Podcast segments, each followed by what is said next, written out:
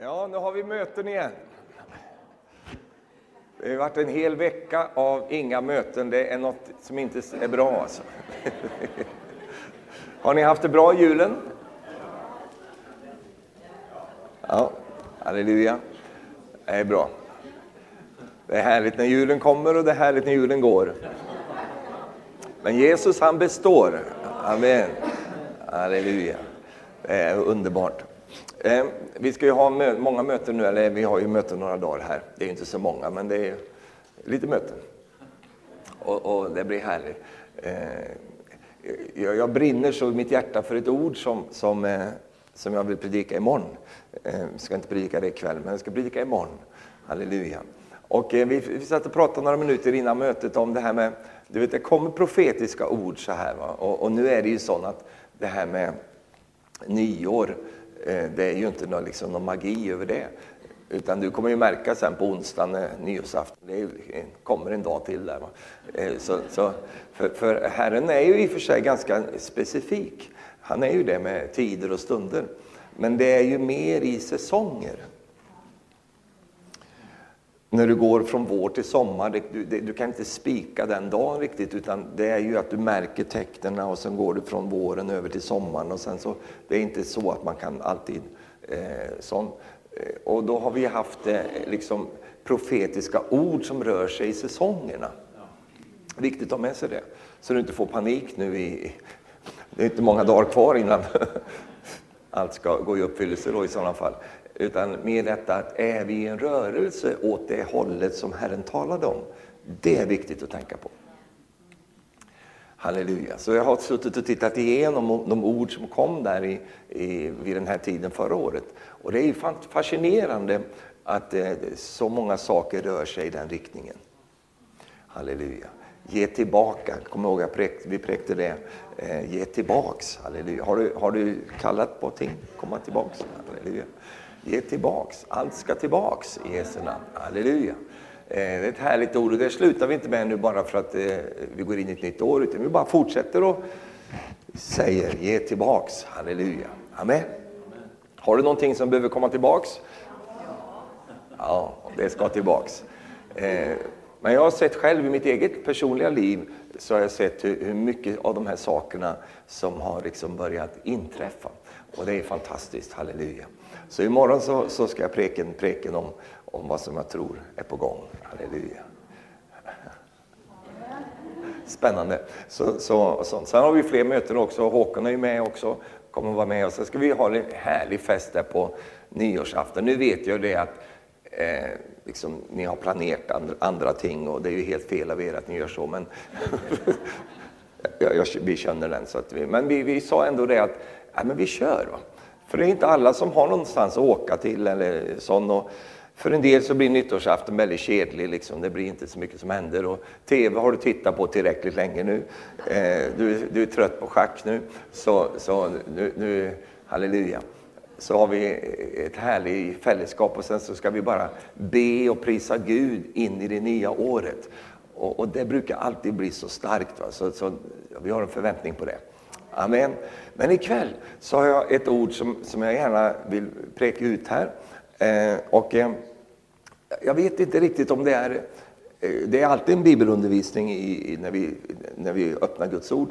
Men jag tror också att det finns människor i detta möte här och nu ikväll. Du tränger att höra det här. Du tränger att eh, få tag på detta och ansluta dig till det eh, på något sätt. Eh, och jag ska tala om Eh, mitt budskap heter så här. Kom till nådastolen.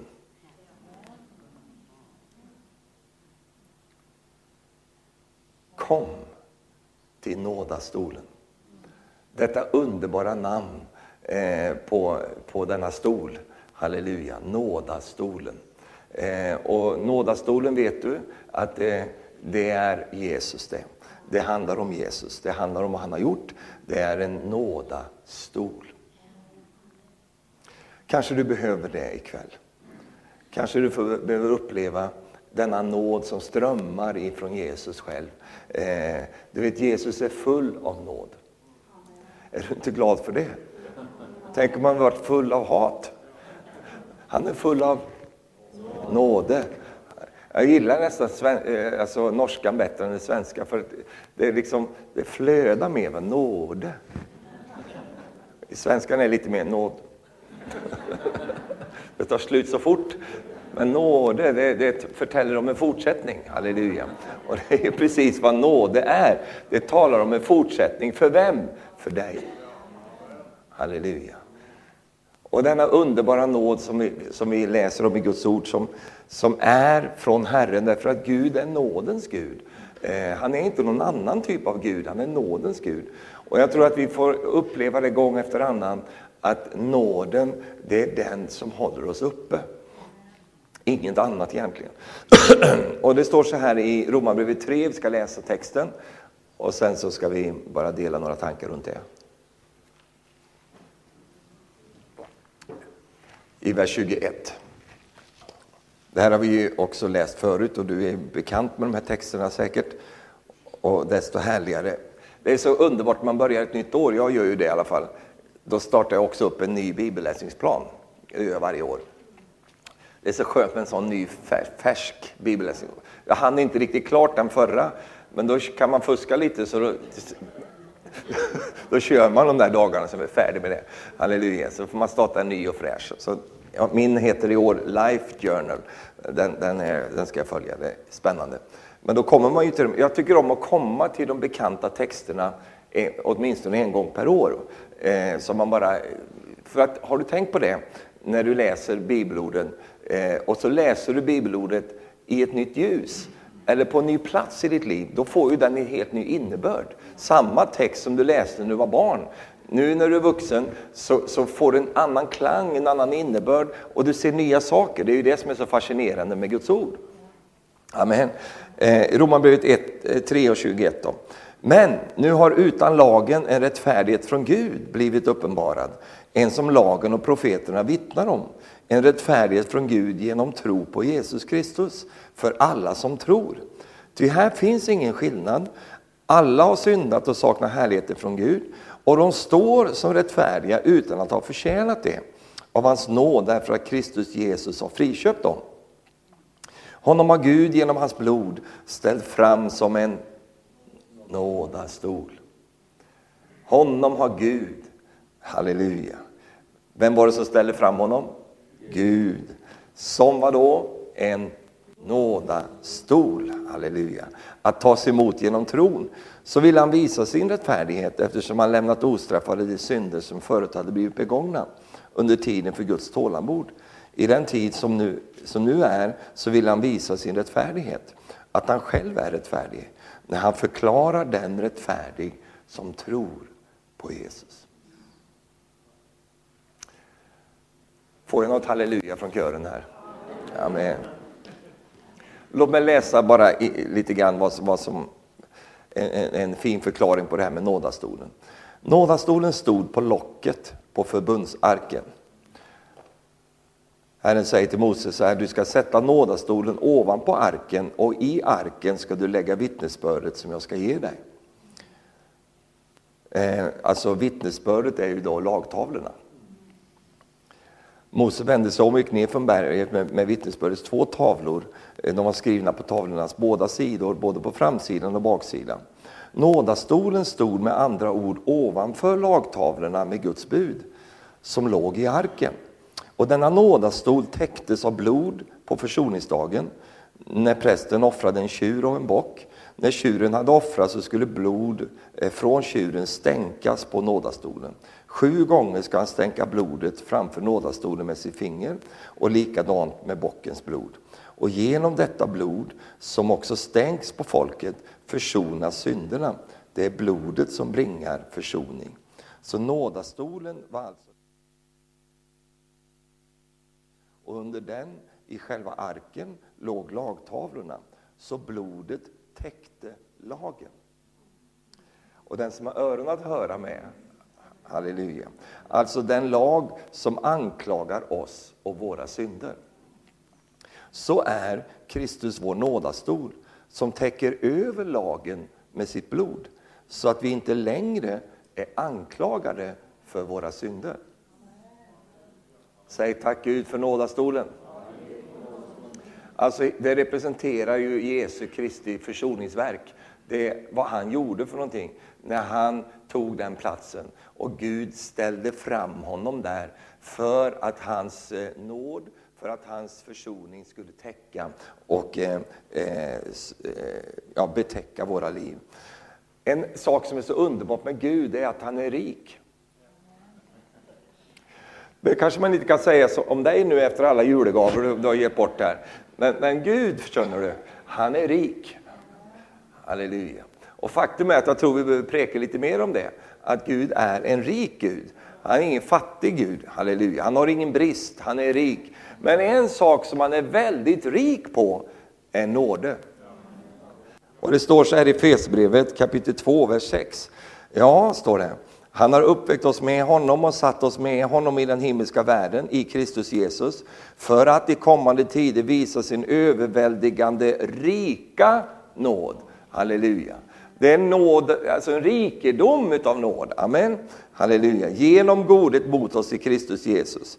Ty av nåden är ni frälsta genom tron, inte av er själva. Guds gåva är det, inte på grund av gärningar, för att ingen ska berömma sig. Ty hans verk är vi, skapade i Kristus Jesus till goda gärningar, som Gud har förberett så att vi ska vandra i dem.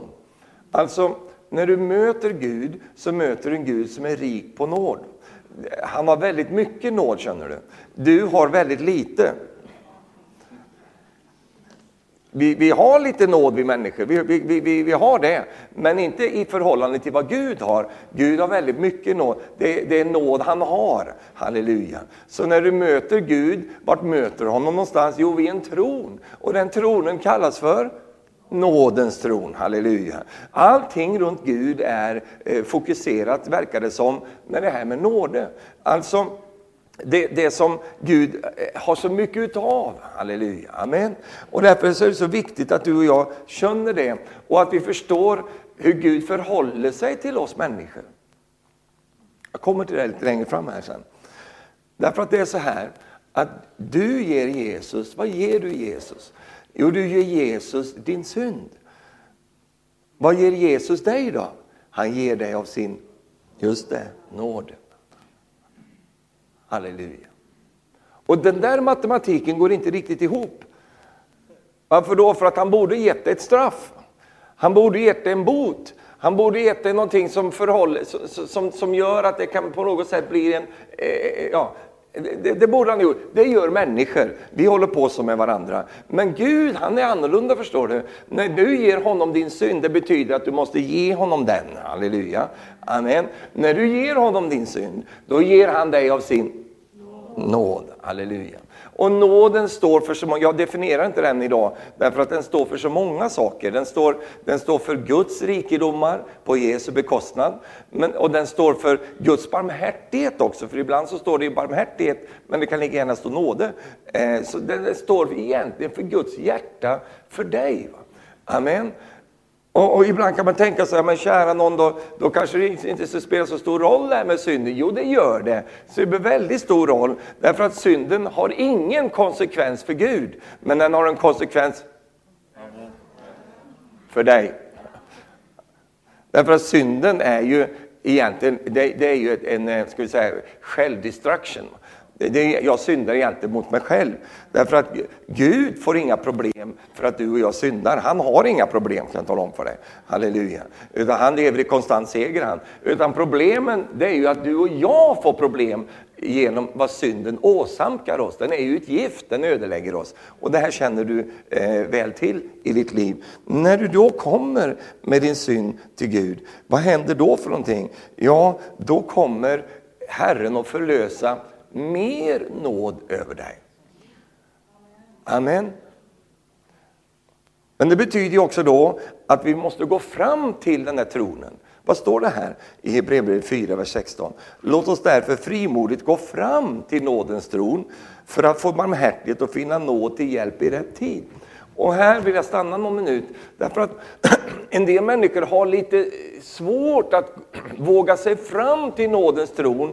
Varför då? Därför att de kanske är rädda för att få ett straff. Vilket de egentligen kanske borde ha fått om vi tittar på det mänskligt sett. Men vi har inte med, med den mänskliga institutionen att göra nu, utan vi har med Gud att göra. Halleluja. Amen. Och det, detta gör att det, det, här med nåden, den blir ibland vansklig för oss. Därför att vi har så mycket andra saker instoppat i vårt tänkesätt som gör, ja men kära Gud, du, du måste väl vara sint på mig i alla fall.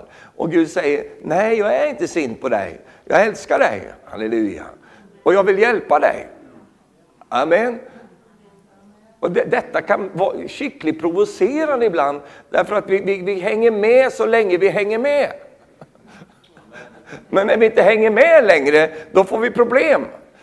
Och Herren är ju så underbar, han slår ju alltid till över det hängande mät där.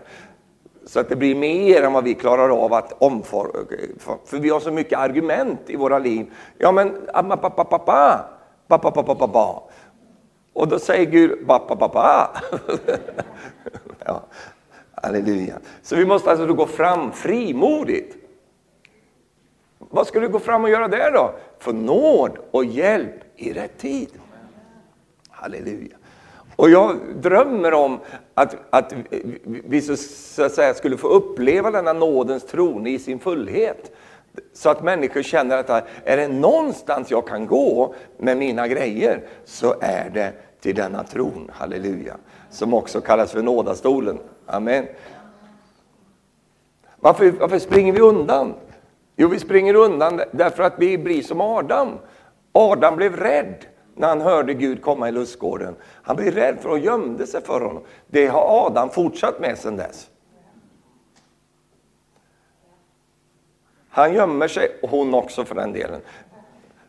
För Gud, därför att de, de tänker att Gud är sint eller Gud är arg eller han bryr sig inte eh, eller sådana saker. Utan, eh, och därför väljer man sig, eh, gömma sig för honom. Men du känner att Gud slog inte ihjäl Adam och Eva efter de hade fallit i synd. Utan han gjorde så gott han kunde med produkten som hade blivit.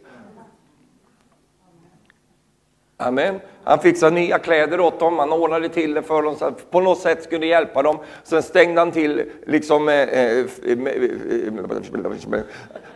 han blockerade så att de inte skulle spisa av livets träd, för då hade de levt i det tillståndet för evigt. Så att han ordnade för dem i ren kärlek till dem, men han hade en plan, halleluja. Och det är sån Gud är, du får upptäcka det, förstår du. Att när du kommer till Gud med dina problem, så har Gud en lösning. Han har en plan, han är alltid där för att hjälpa dig. Och det är också ett uttryck av hans nåde, att han är på det sättet, halleluja. Du är inte alltid på det sättet. Säg efter mig, nej jag vet det.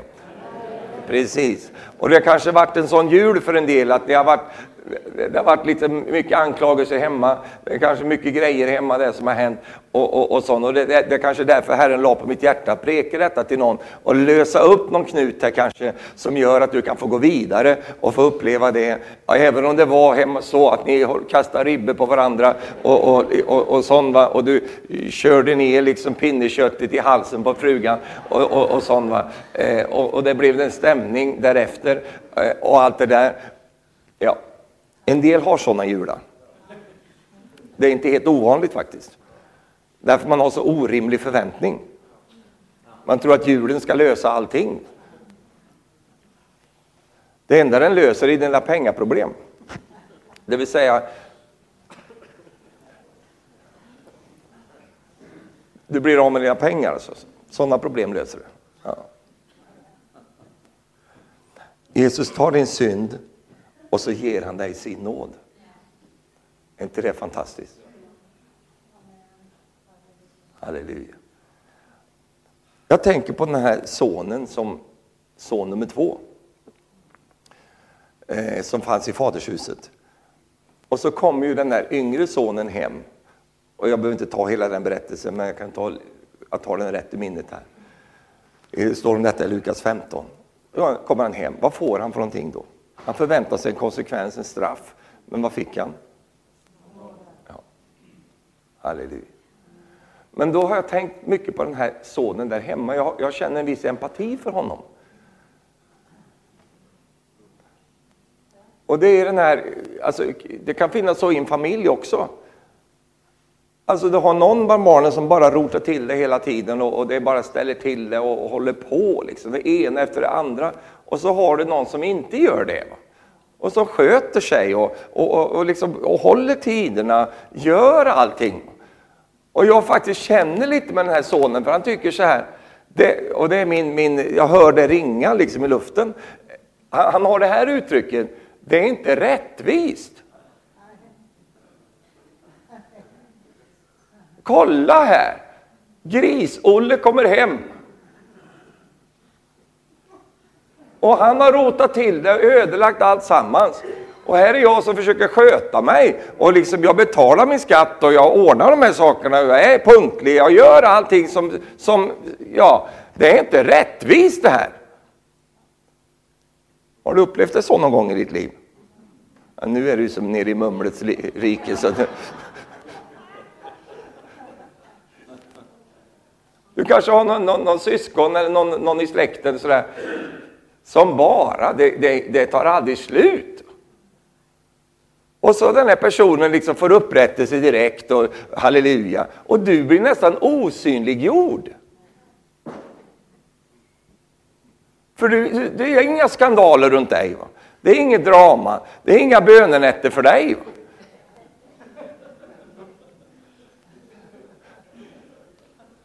Men nog hör du mamma och pappa ligga uppe på loftet och ropa till Gud för, för eh, liksom, eh,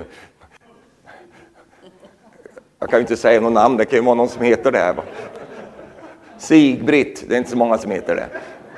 Åh Gud, hjälp Sigbritt i denna kväll, åh Gud! Och du då som heter Berit, det är ingen liksom bön för det. Va? Bara lite mummel i slutet på bönen. Ja, så ber, du vet ju Berit, det går bra för henne, halleluja, amen. Och vad händer då? De får bönesvar och Sigbrit kommer hem. Liksom hon, hon har varit ute och rotat till det för något förfärligt. Och, och, och så hon luktar abrakadabra. Eh, och det är liksom något förfärligt. Och vad händer då? Direkt upprättelse in i festen, in i värmen. Och så sitter Berit på sitt rum där och tycker det är inte rättvist det här. Jag har aldrig, jag har inte, jag dricker inte ens kaffe. Det är ingenting. Va? Och jag får ingen uppmärksamhet, ingenting. Du blir osynliggjord. Jag, jag har empati för den här äldre sonen här. För han gjorde ju ändå vad som var rätt i det här sammanhanget. Han var ju skötsam.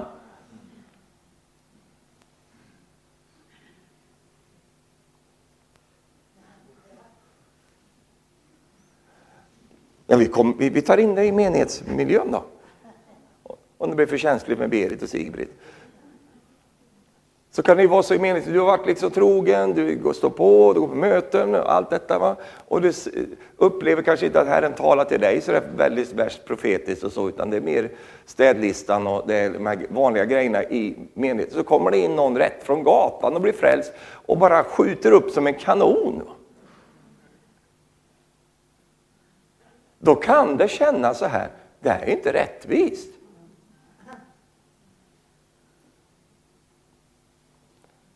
Nej, det är inte rättvist med din målestock. Och min vän, pröva dig inte med den grejen mot Gud. Kör inte den grejen med Gud. Gud, jag vill att det ska vara rättvist här. Oh rätt ska vara rätt. Kör inte det här med Gud, för Gud vet allt om dig. Då säger han, Gutte min, sätt dig ner lite grann här. Ska vi börja prata om rättvist? Och så, don't even go that way. Don't even think the thought. Därför att Gud vet vad som är rättvist och inte rättvist.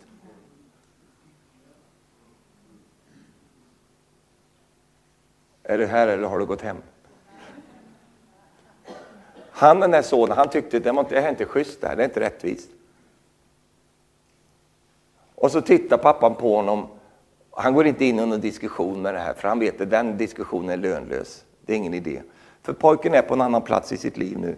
Och så säger han så här till pojken, och jag tycker det är så vackert. Han säger så här, men min son, du är ju alltid hos mig.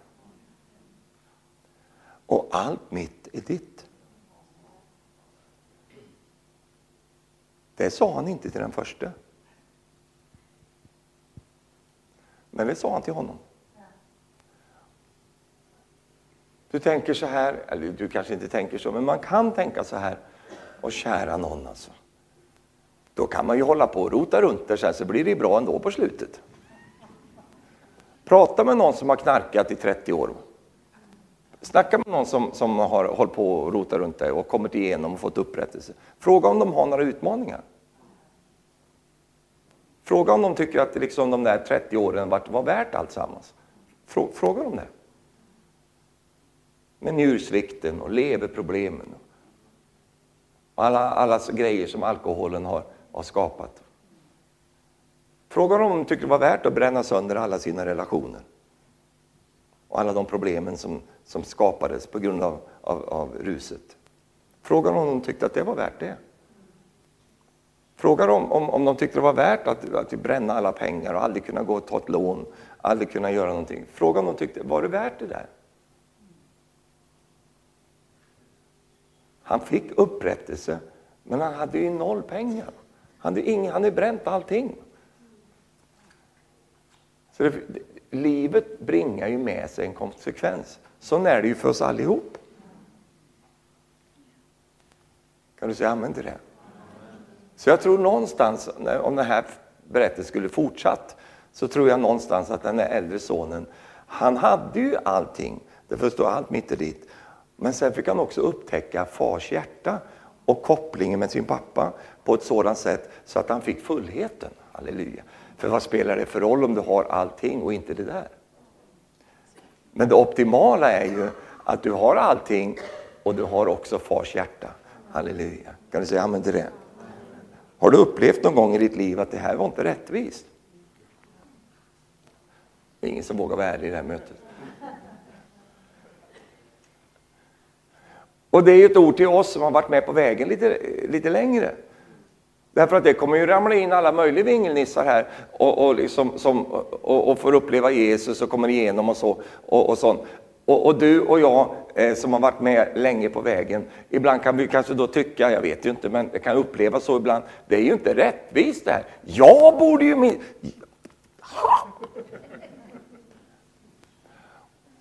Men då vet vi detta, att det kanske inte är rättvist i ett mänskligt perspektiv.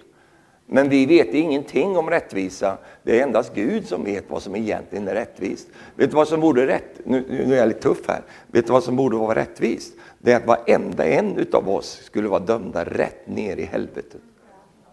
Det är rättvist.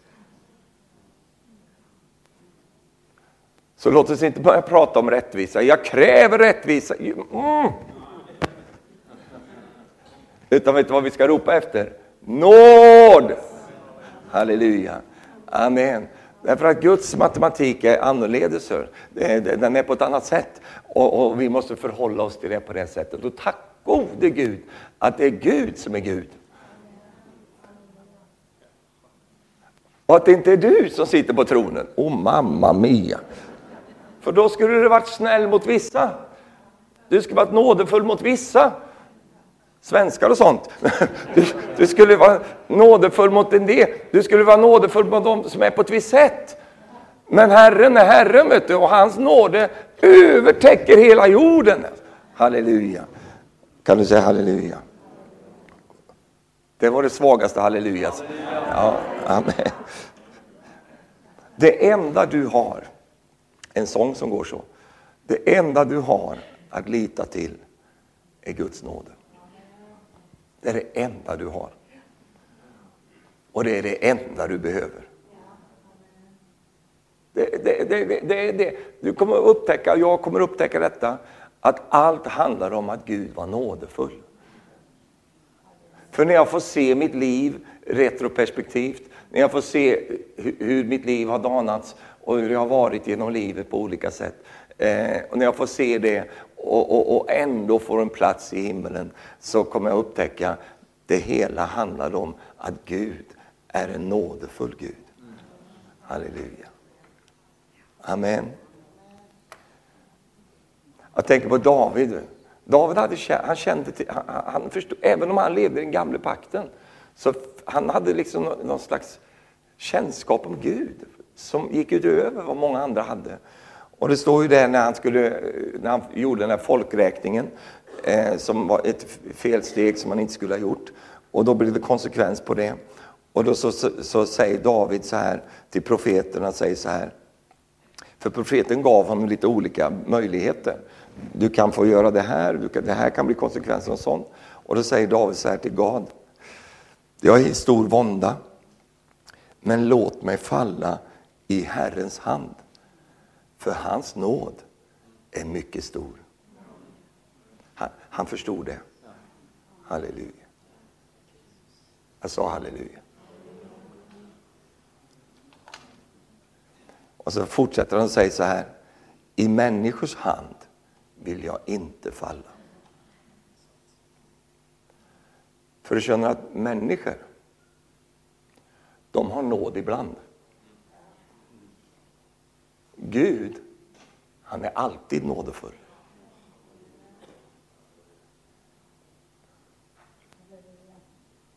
Och att bli utlämnad till människor, det, det förstod David. Det kommer att sluta illa för mig. Jag vill hellre bli utlämnad till Gud. För jag vet någonting om Gud. Att hans nåd är mycket stor. Halleluja. Min vän, du har och du kommer att komma i situationer där du behöver Guds nåd.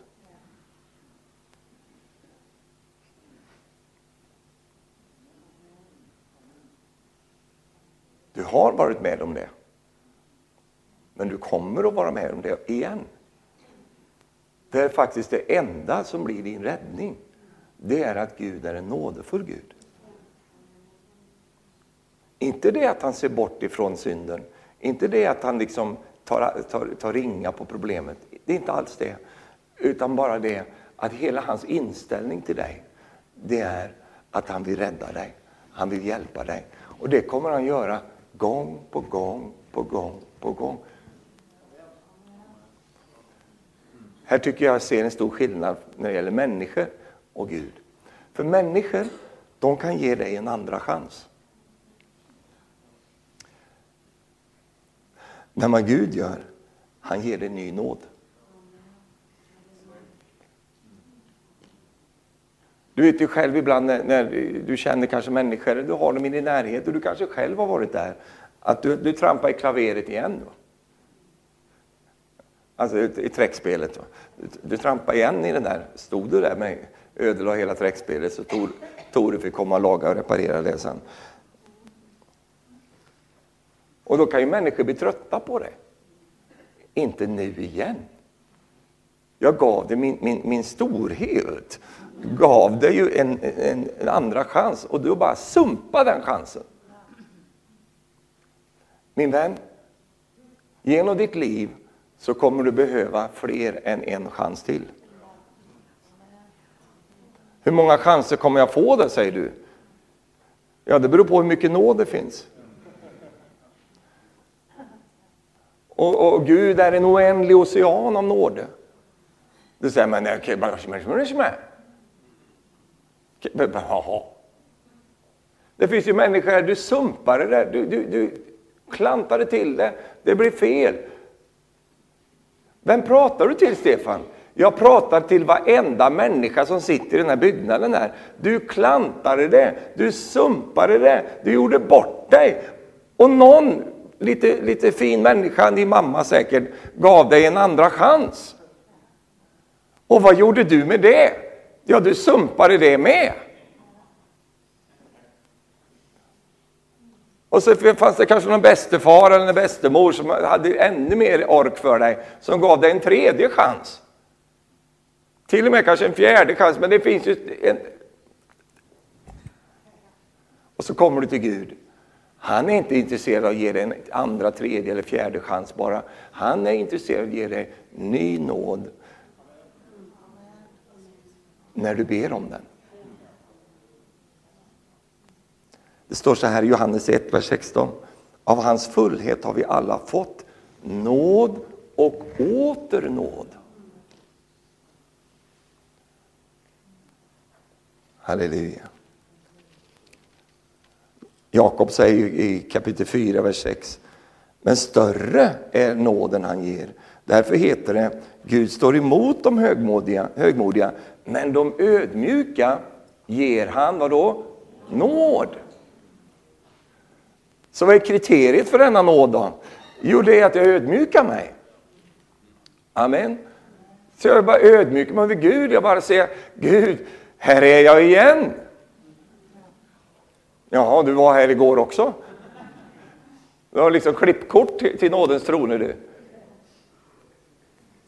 Och då så säger, säger Gud till dig, det finns mer nåd för dig nu.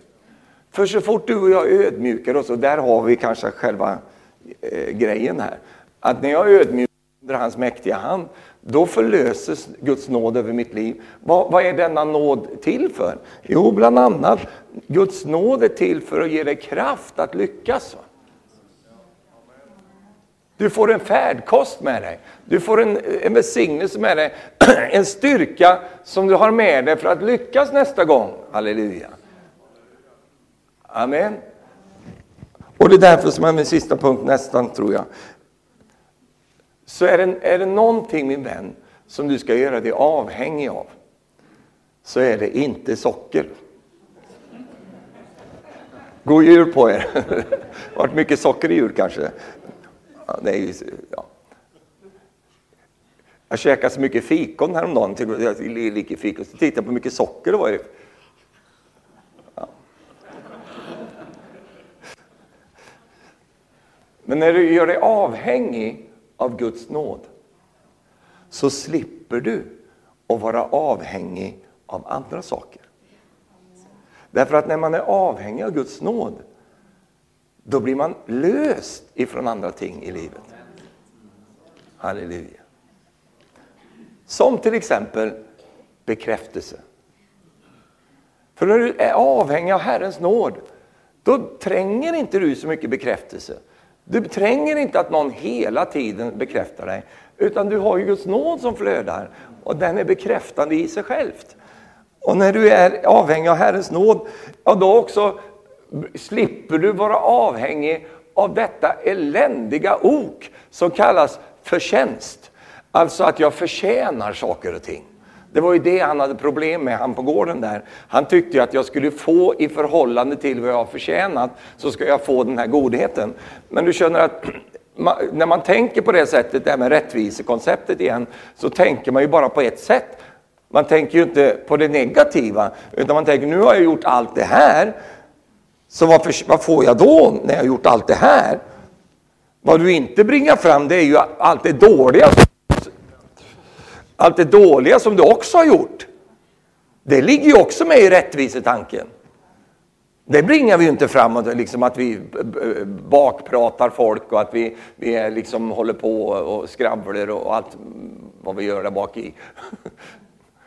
Utan vi tar ju fram de här fina sakerna, vad kan jag få för det här? Och då vänder sig Gud och säger till dig, ja vi ska väl ta det här rättvist. Ska vi se här nu. Mm, mm, mm, Därför att det står ju så här att om, om jag ska följa lagen, ja men då måste jag ju hålla allting i lagen. För om jag missar någonting, ja då faller ju allt bort. Säg tack Gud för nåden. Halleluja.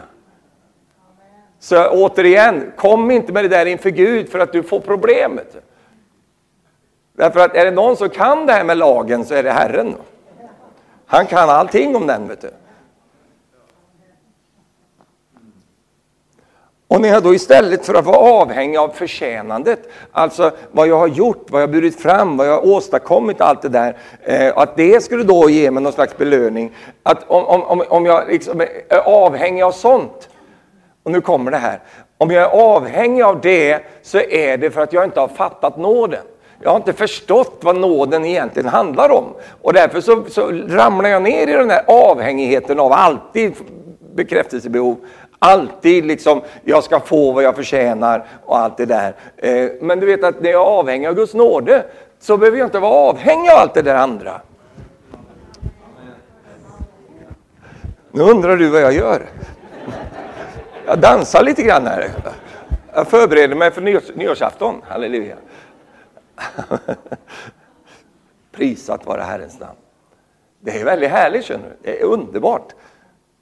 Amen. Så det betyder alltså då, när jag har Guds nåde som jag lever och flödar i, då gör det inte så mycket att, liksom, att inte alltid få utdelning för allt vad man har gjort. För jag, är, jag har redan fått det högsta vinsten.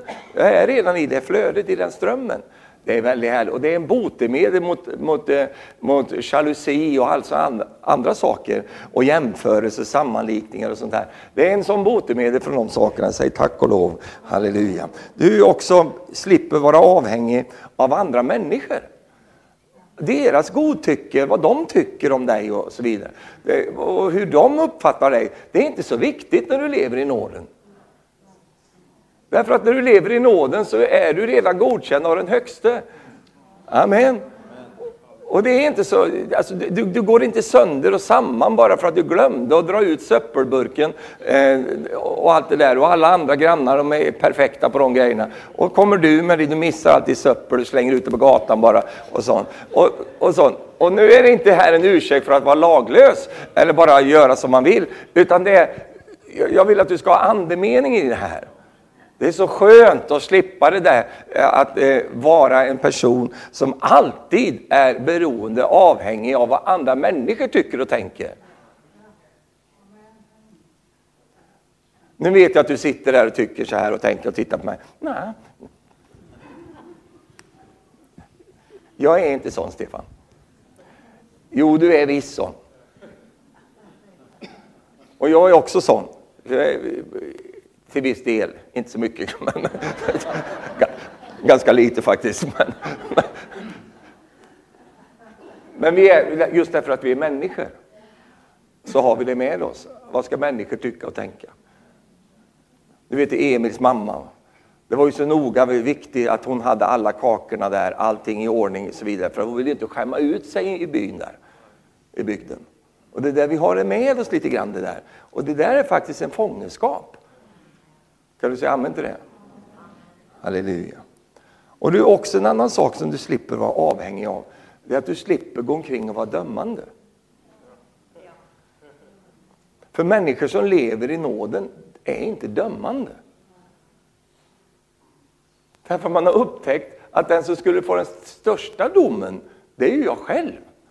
Men eftersom jag upplevt att Gud har benådat mig, hur skulle jag kunna komma och vara dömande mot dig när jag själv får uppleva denna fantastiska nåd där Herren har köpt mig fri och löst mig från allting. Jag kan ju inte döma dig då. Jag kan inte komma och säga resa mig över dig. Det går inte, därför att i nåden finns det ingen plats för sånt.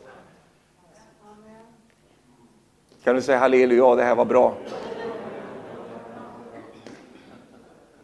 Vi har fått, vi har fått nog av dömandet. Och jag tror Gud har fått nog av det också. Utan vad gör vi istället? Vi lever i Herrens nåd. Amen. Tack Jesus. Och sen så slipper du också vara avhängig av att jaga en position. Du behöver inte ha en position när du flödar i nåden. Utan du är ju redan högst upp där. Amen. Och det gör detta sammantaget att Guds nåd, det är allt du tränger och leva i det flödet och leva i den strömmen där. Och göra anspråk på den så ofta du vet att du behöver det. Och jag började i preken som jag ska sluta den, nämligen detta. En uppmuntran till dig. Kom till Guds nåd. Kom till nådastolen. Där finns det så det rinner över. Det finns tillräckligt för dig att få ta emot ifrån Herren. Halleluja. Amen. Du säger Stefan, det varit ingen bra jul för mig. Nej, det är många som hade det så. Det vart inte bra alls. Det var jobbigt. Men vet du vad? Det finns ny nåd för dig. Halleluja. Det finns ny nåd för dig. Herren har ny nåd för dig. Amen. Hans trofasthet och hans nåd lämnar aldrig dig. Alltid, om den skulle ha lämnat dig så hade du varit i helvetet men den lämnar inte dig, utan den är med dig. Och den överskuggar dig, den, den bär dig, den tar hand om dig, den skyddar dig. Halleluja, prisat vare Herrens, Herrens nåd. Amen. Tack Jesus. Jag sa tack Jesus.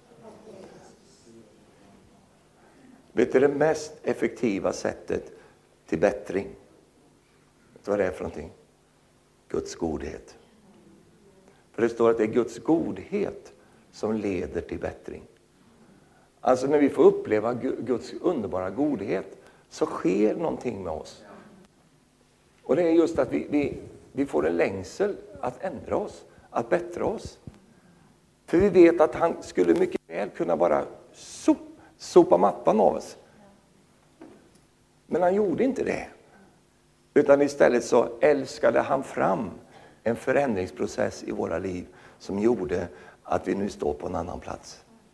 Halleluja. Kan du säga halleluja? Öystein, om du bara kommer lite här så ska vi... Så bara till slutet på mötet här ikväll. Vi ska ju gå in här nu för, för nyår och allt det här.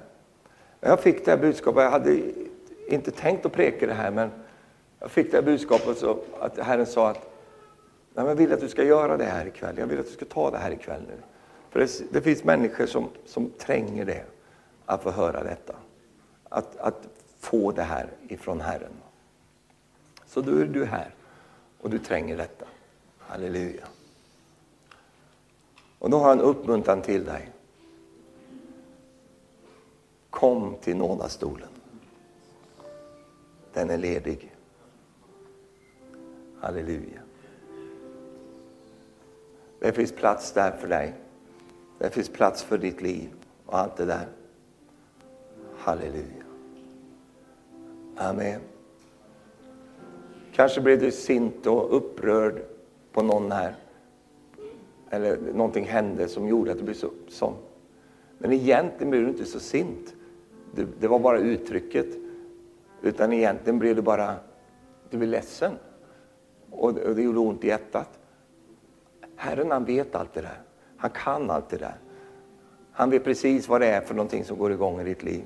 Och hans lösning är alltid den här. Kom till nådens tron. Kom dit. Kom nu. Halleluja. Och få nåd och hjälp i rätt tid.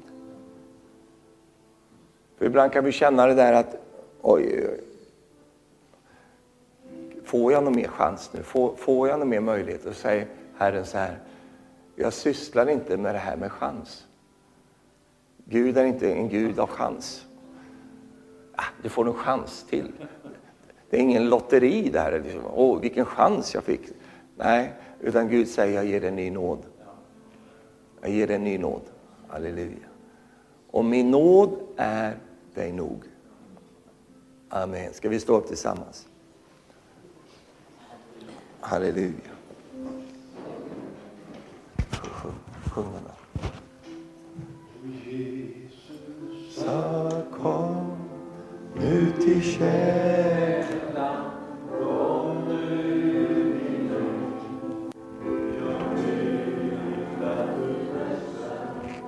Här finns vatten för dig. Jag har sett dina tårar där i mörkret du var. Och jag vet du ska vinna att din börda jag bar. Halleluja. Så Jesus sa kom nu till källan, kom nu till mig. Jag vet att du törstar här finns vatten för dig. Jag har sett dina tårar här i mörkret du var. Och jag vill påminna att din börda jag bar. Vi ska sjunga den här ett par gånger till. Och jag tänker som så att du som tränger detta här ikväll, det här är liksom för dig nu. Och du, du behöver att den där bördan lyfts av dig. Den här skuldbördan eller anklagelsen, eller vad det än kan vara för någonting. Ja, du tränger helt enkelt få, få, få ett möte med nåda, nådastolen. Du tränger ett möte vid nådens tron. Och vi ska sjunga den här sången nu några gånger till. Och du som vet med dig, detta, detta, detta tränger jag nu för att gå vidare, för att komma vidare. Du vet, så många gånger är det så att vi, vi börjar med men, men, den mänskliga aspekten. Och vi försöker fixa till det mänskligt, men Herren säger börja med mig. Ta mig först. Och kom till mig först, för då får du redskapen, du får styrkan och du får det du tränger för att fixa till det andra som du också säkert måste göra. Men vi sjunger den här sången några gånger till, och så, så du som känner att detta tränger jag Stefan, jag tränger det här ikväll. Så kommer du bara och ställer det här framme, så ska vi bedja tillsammans, eh, du och jag. Halleluja. Jesus kallar dig, kom nu till källan, kom nu till mig. Jag vet att du törstar här finns vatten för mig. Jag har sett dina tårar där i mörker du var. Och jag vill dig påminna att din börda jag bar. Jesus.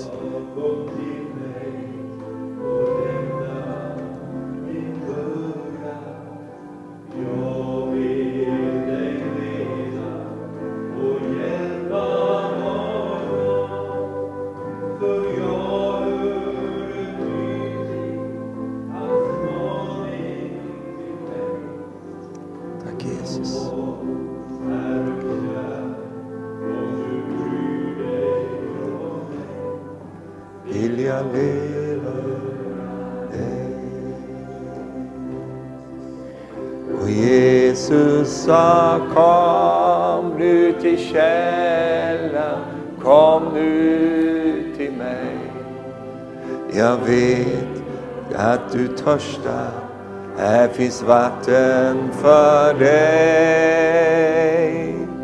Jag har sett dina tårar där i mörker du var. Och jag vill du ska veta att din börda jag bar. Amen. Vi bara står här inför Herren ett, en liten stund till. Och jag, gör, jag gör så här först att vi, vi ber tillsammans, hela kyrkan ber tillsammans och du är framme. Du ber också. Och så får du pröva dig på lite svensk här, det går bra. Och så säger vi så här. Jesus, jag kommer till dig. Du som är min nådastol.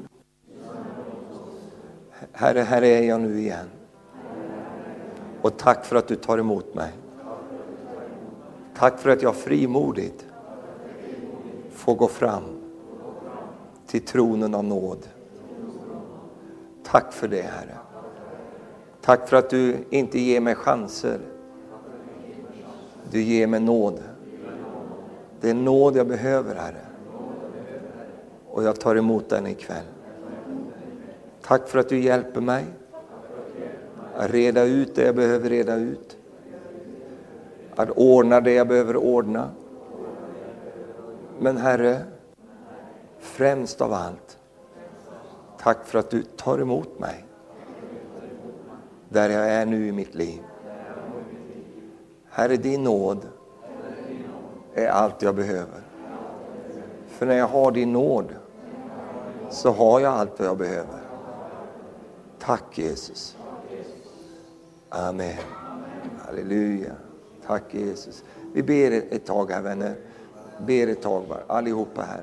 Vi ber ett tag. Tack Jesus. Tack Jesus. Tack Jesus.